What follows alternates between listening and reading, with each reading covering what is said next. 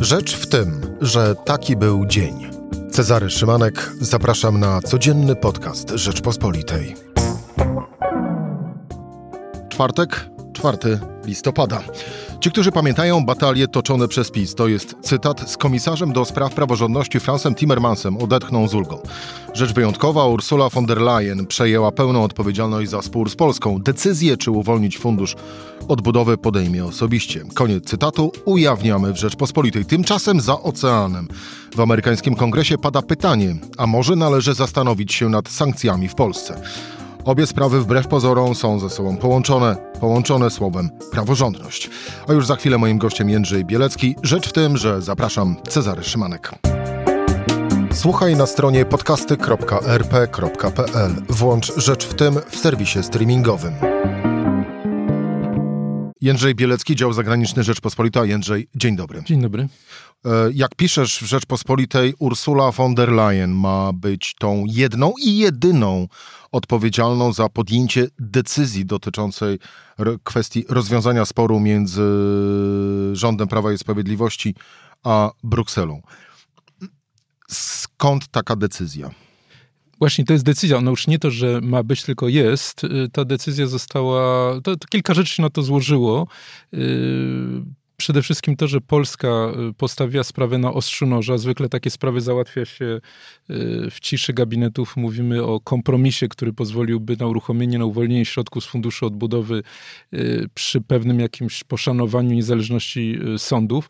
Polska wybrała inną strategię, przede wszystkim ze względu na politykę wewnętrzną, na spór między tą radykalną frakcją Zjednoczonej Prawicy, reprezentowaną przez Zbigniewa Ziobrę i innych, a tą frakcją bardziej umiarkowaną, do której należy premier Morawiecki, y, Konrad Szymański, postanowiła to y, zrobić na ostrzu noża. Morawiecki chciał pokazać, że jest równie twardy co Ziobro.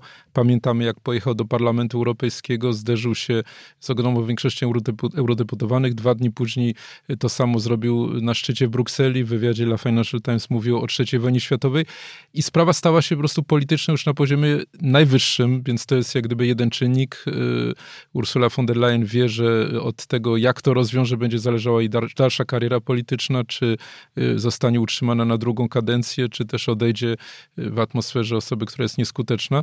Y, to jest jeden powód, ale też jest drugi powód. Otóż mówimy o osobie, która przez wiele, wiele lat była częścią gabinetu Angeli Merkel jako minister obrony, jedną z kluczowych współpracowniczek Merkel. To Angela Merkel wysunęła ją na stanowisku, na stanowisko szefowej Komisji Europejskiej.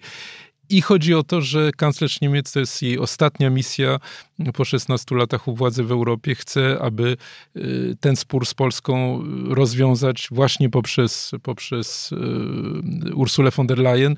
Zależy jej na tym, żeby utrzymać obecny kształt Unii Europejskiej. Nie chce, aby doszło do powtórzenia Brexitu y, w Polsce. No i von der Leyen przyjęła takie stanowisko polityczne. To jest ta jej propozycja, która jest dosyć łagodna, biorąc pod uwagę postulaty chociażby liczbę eurodeputowanych, ale także na przykład y, y, szefów państw nordyckich, y, premiera Holandii.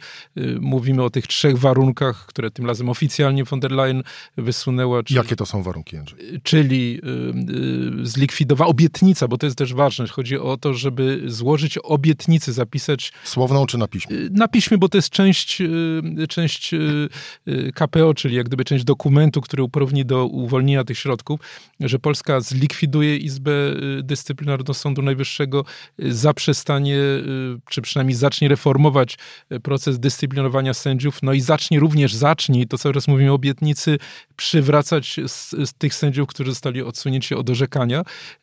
Wtedy zostałaby uruchomiona ta pierwsza transza, 13%, prawie 5 miliardów euro z funduszu odbudowy. Oczywiście, jeżeli Polska później by nie wypełniła tych obietnic, to kolejne transze byłyby zamrożone, to, to jest prawda, ale powstałaby po raz pierwszy od lat, chyba od sześciu lat, jakaś pozytywna dynamika w stosunkach między Brukselą a Warszawą. Morawiecki mógłby pokazać wszystkim, widzicie, moja strategia jest skuteczna, umocniłby się tutaj, powstałaby narracja, że te środki zostały uruchomione. Dobrze, później być może byłyby opóźnienia w kolejnych transzach, ale to byłyby już dużo techniczne, bardziej techniczne. Na to liczy Merkel i to y, poprzez nią i, i, i, stara się to y, wypełnić poprzez Ursulę von der Leyen. Mówisz, że zyskałby Mateusz Morawiecki, to odwrócę pytanie. A co zyskałaby w takim razie po tym kompromisie Bruksela? No, zyskałaby to, żeby został utrzymany kluczowy kraj Unii Europejskiej w, w, jej orbicie, w samej wspólnocie, ale przede wszystkim też trzeba powiedzieć, że ewentualny polexit, czy wy, wymknięcie się spod kontroli tego całego procesu y, byłoby egzystencjalnym zagrożeniem dla samej Unii Europejskiej, dlatego że y, Brexit wciąż można rozpatrywać jako taki jednorazowy wypadek przy pracy dotyczący kraju, który zawsze był jedną nogą w Unii, a jedną nogą na zewnątrz. Nigdy nie, nie, nie, należał na przykład do strefy Schengen, do, do euro. Zawsze sprzeciwiał się tej integracji. Natomiast gdyby kolejny kraj to zrobił, no to by powstał pewien y, już jak gdyby wzór, y, który mógłby doprowadzić w ogóle do, do rozsypania się Unii. Więc to, to, to jest y, stawka dalece wykraczająca poza samą Polskę. Jędrzej, na stole jest oferta Ursuli von der Leyen łamana na Angela Merkel. Do kiedy oferta jest ważna? No ona, to, to mówimy o kilkunastu dniach, dlatego że... Czyli połowa listopada? Listopada? Połowa listopada to jest bardzo konkretna data, dlatego że jeżeli nie dojdzie do tego porozumienia do połowy listopada, no to wtedy unijne procedury są takie, że ta y, y, zaliczka, te 13%, te 5 miliardów zwyczajnie przepada. To jest po prostu zapisane w, w regulaminach i nie ma innej możliwości. Nie ma zwyczajnie czasu na to, żeby ta propozycja uzgodniona z von der Leyen została zatwierdzona przez Radę Europejską. Y, no i wtedy Morawiecki nie ma tego, co jest bardzo ważne dla polskiej opinii publicznej, tego tej nagrody w postaci konkretnych pieniędzy na, na koncie. Po prostu tego nie ma, to raz. No a po drugie, nadzwyczaj szybko formuje się rząd w Niemczech. Olaf Scholz już będzie y, reprezentował Niemcy na grudniowym, w połowie grudnia, y, na, na grudniowym szczycie Unii Europejskiej. Prawdopodobnie jego rząd zostanie zaprzysiężony dużo wcześniej, a mówimy o rządzie, który zajmuje znacznie bardziej pryncypialne stanowisko wobec Polski, no bo składa się z zielonych, dla których y, kwestia demokracji, praw człowieka, praworządności jest, jest, jest kluczowa. Podobnie jeśli chodzi o FDP, a i również SPD, sam Scholz Scholz no, nie czuje takiej więzi z konserwatywnymi partiami typu PiS czy, czy Fidesz, jaką y, czuła w jakiś sposób CDU i Merkel. A co dokładnie myślą y, koalicjanci nowego niemieckiego rządu można było posłuchać właśnie w trakcie owej wspomnianej już przez ciebie debaty w Parlamencie y, Europejskim. I to idźmy dalej jeszcze w tym scenariuszu. Jeżeli ów kompromis nie zostanie zawarty, mm, wtedy, no bo na chwilę obecną rzeczywiście zostali schowani tacy komisarze jak Didier e, Reinders, Vera Jurowa, Thierry Breton czy też e, Franz Timmermans. E, jak nie będzie kompromisu, to oni znowu wyjdą na scenę i to oni będą dyktować warunki tej gry? Y, no może tak się okazać, dlatego że cała ta konstrukcja no, polega na tym, że, że yy, yy, Ursula von der Leyen ma poparcie najważniejszej stolicy yy, i jeszcze wciąż najważniejszego polityka Europy, czyli Angeli, Angeli Merkel. Ja zresztą podo po, pamiętam podobny układ, y, y, kiedy było poszerzenie Unii Europejskiej, dlatego że wtedy komisarz, komisarz do spraw poszerzenia Unii Europejskiej miał bardzo mocne poparcie ówczesnego kanclerza Niemiec, czyli Gerharda Schrödera y, i mógł pchać jak gdyby to poszerzenie mimo oporu na przykład Francji. No to, to takie sytuacje się zdarzają. No ale cała ta konstrukcja, tak jak mówię, za chwilę upadnie. Jeżeli na przykład Scholz powie, przepraszam bardzo, ale y, von der Leyen jest zupełnie z innego rozdania politycznego niż ja, ja mam zupełnie inną politykę, mi jest bliżej na przykład do y, tych, tych komisarzy, którzy zajmują tutaj twardsze stanowisko, no i cała sprawa upadnie zwyczajnie. Czyli tak naprawdę mamy na stole kompromis ostatniej szansy, ostatniej szansy dla rządu Prawa i Sprawiedliwości. Być może tak, dlatego że jeżeli tych pieniędzy nie będzie, to wiele wskazuje na to, że y, dojdzie do, do zmiany na stanowisku premiera, ale w ogóle może dojść do upadku tego rządu, do wcześniejszych wyborów. O tym też chyba mówi się na korytarzach w Brukseli, prawda? Y, mówi się, bo też, bo, bo, bo jak gdyby do polskich y, władz, czy, czy, czy wielu jej członków nie dociera, że y, poparcie dla PiSu, w szczególności na wsi, sięga tak daleko, jak długo są jednocześnie wypłacane środki unijne. One są na tyle istotne, że jeżeli by nagle okazało się, że są, są kończą się, no to wtedy to odwrócenie nastrojów może być gwałtowne. Ja tylko przypomnę tu tutaj o jednym precedensie. Przecież y, karierę y, całą budowała samoobrona na sprzeciwie wobec Unii Europejskiej. W momencie, kiedy na wsi okazało się, że jednak te środki unijne są bardzo ważne i ta Unia nie jest taka straszna, no to po prostu ta partia poszła w niebyt, więc ostrzeżenie istnieje.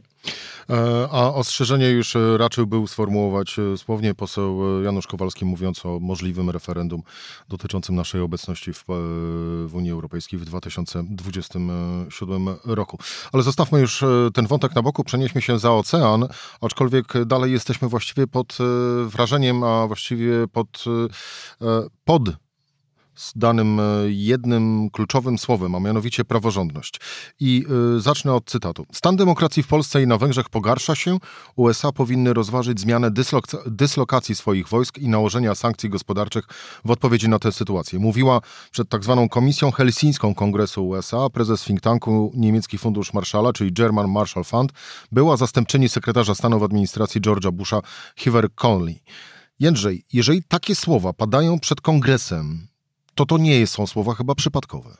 Znaczy, ja bym, y, rzecz to jest to, że, że one padają y, na forum kongresu, na forum przy, przy w obecności trzech senatorów demokratycznych, ale równie ważne na tym etapie, czy być może ważniejsze jest y, z ust czyich one padają, dlatego że pani Conley, szefowa German Fund, jest, stoi na czele jednego z najbardziej wpływowych instytutów analitycznych w Stanach Zjednoczonych, bardzo bliskiego, instytu, instytucji bardzo bliskiej, blisko związanej z władzami amerykańskimi. No ona sama właśnie była za, za Busha zastępczynią sekretarza sekretarza stanu do spraw europejskich, ale to nie, jest, to nie jest wyjątek. Znaczy, to jest instytucja, y, w której bardzo wielu przedstawicieli władzy y, y, jest, jest zatrudnionych i która jak gdyby stanowi takie, takie, taką, taką, taką jak gdyby taki, taki, a, taką awangardę, można powiedzieć, amerykańskiej władz. Moim zdaniem to można interpretować jako pewien rodzaj balonu próbnego ze strony Białego Domu, ze strony administracji Bidena, sygnału, co się może zdarzyć.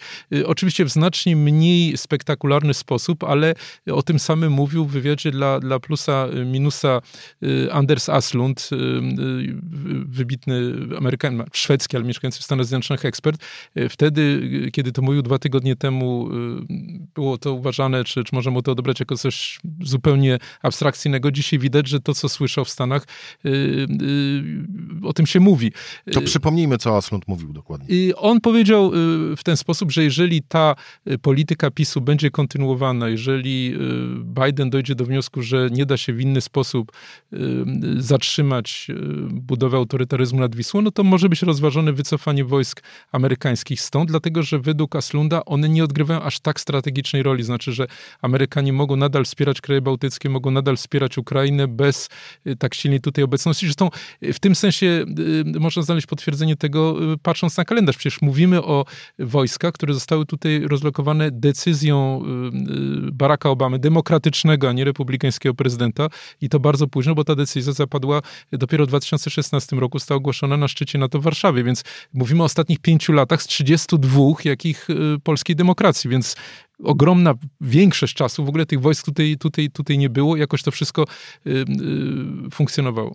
Co nie zmienia faktu, że obecność wojsk amerykańskich y, na wschodniej flance y, Paktu Północnoatlantyckiego ma również swoje geopolityczne znaczenie. Y, ma, ale też może okazać się y, taką kartą przetargową w rękach Bidena w wielkiej rozgrywce z Rosją i z Chinami, dlatego że to już, to, o tym się już przekonaliśmy latem tego roku, kiedy prezydent Stanów Zjednoczonych Zjednoczonych zrezygnował z blokowania Nord Stream 2, nie uprzedzając Polski, nie uprzedzając sojuszników europejskich, y, dlatego że chce mieć na froncie z Rosją y, spokój, żeby móc się skoncentrować na Chinach i także, żeby skoncentrować się y, na sprawach wewnętrznych. Wie, że nadchodzą wybory, które mogą spowodować, że najpierw republikanie przejmą kongres, potem przejmą dwa lata później Biały Dom, że sytuacja jest bardzo poważna. No i może po prostu być taki układ, którym Putin na przykład powie, że dobrze, to on rezygnuje z ataku na, na, na Ukrainę, Ukrainę, pomoże Stanom Zjednoczonym, y, gdy chodzi o powstrzymanie ambicji nuklearnych Iranu, y, podobnie w Korei Północnej, no a w zamian to byłby spektakularny sukces dla Putina. Y, Amerykanie wycofują się z Polski. Oczywiście to nie musi być jasno powiedziane, że to jest bezpośrednia więź, ale kto będzie chciał, to odczyta. Putin na pewno to wykorzysta propagandowo, więc tutaj no taka, taka, taka możliwość jest i powtarzam, przekonaliśmy się w przypadku Nord Stream 2, że ona jest całkiem realna. Chcesz powiedzieć, że amerykańska administracja, patrząc na to i mając właśnie e, w tyle głowy owe słowa, które cytowałem e, z posiedzenia przed Komisją Helsińską Kongresu. Przypomnę, stan demokracji w Polsce i na Węgrzech pogarsza się. USA powinny rozważyć zmianę dyslokacji swoich wojsk i nałożenie sankcji gospodarczych w odpowiedzi na tę sytuację. Mm, to idąc tropem Twojego rozumowania, można wysnuć wniosek, że jest taka możliwość, że amerykańska administracja E, patrząc na to, co się dzieje w Polsce, dojdzie do wniosku, no to skoro tak bardzo chcą iść na wschód, to niech sobie idą i dajmy ten kraj wschodowi. Znaczy, moim zdaniem rozumowanie jest takie, że sprawa demokracji nie jest jakimś tam kwiatkiem do kożucha w optyce administracji amerykańskiej, jest absolutnie żywotną sprawą. Raz na forum samych Stanów Zjednoczonych, dlatego że podważenie wyboru przez Donalda Trumpa w 2020 roku pokazało, że demokracja jest zwyczajnie zagrożona w Stanach, a to jest kraj wieloetniczny i bez tego pytanie w ogóle, co go wiąże, co wiąże te różne. To jest pierwszy punkt. Drugi punkt to jest fundamentalny element starcia tytanicznego z Chinami, pokazanie, że demokracja jest bardziej skuteczna. I na ołtarzu tych dwóch spraw sprawa polska nikt nie może zostać poświęcona, bo po prostu Biden ma znacznie ważniejsze w tej chwili priorytety. Jeżeli nie będzie mu to pasowało, jeżeli powstanie wrażenie, że on y, w sprawie demokracji jest fałszywy, bo popiera rząd uważany powszechnie za autorytarny, no to po prostu on to poświęci. Y, zresztą do takich drastycznych decyzji już dochodziło, na przykład w przypadku Afganistanu. Jędrzej Bielecki, dział zagraniczny Rzeczpospolitej. Jędrzej, dziękuję Ci bardzo za rozmowę. Dziękuję bardzo. To była rzecz w tym e, w czwartek. Cezary Szymanek, miłego weekendu.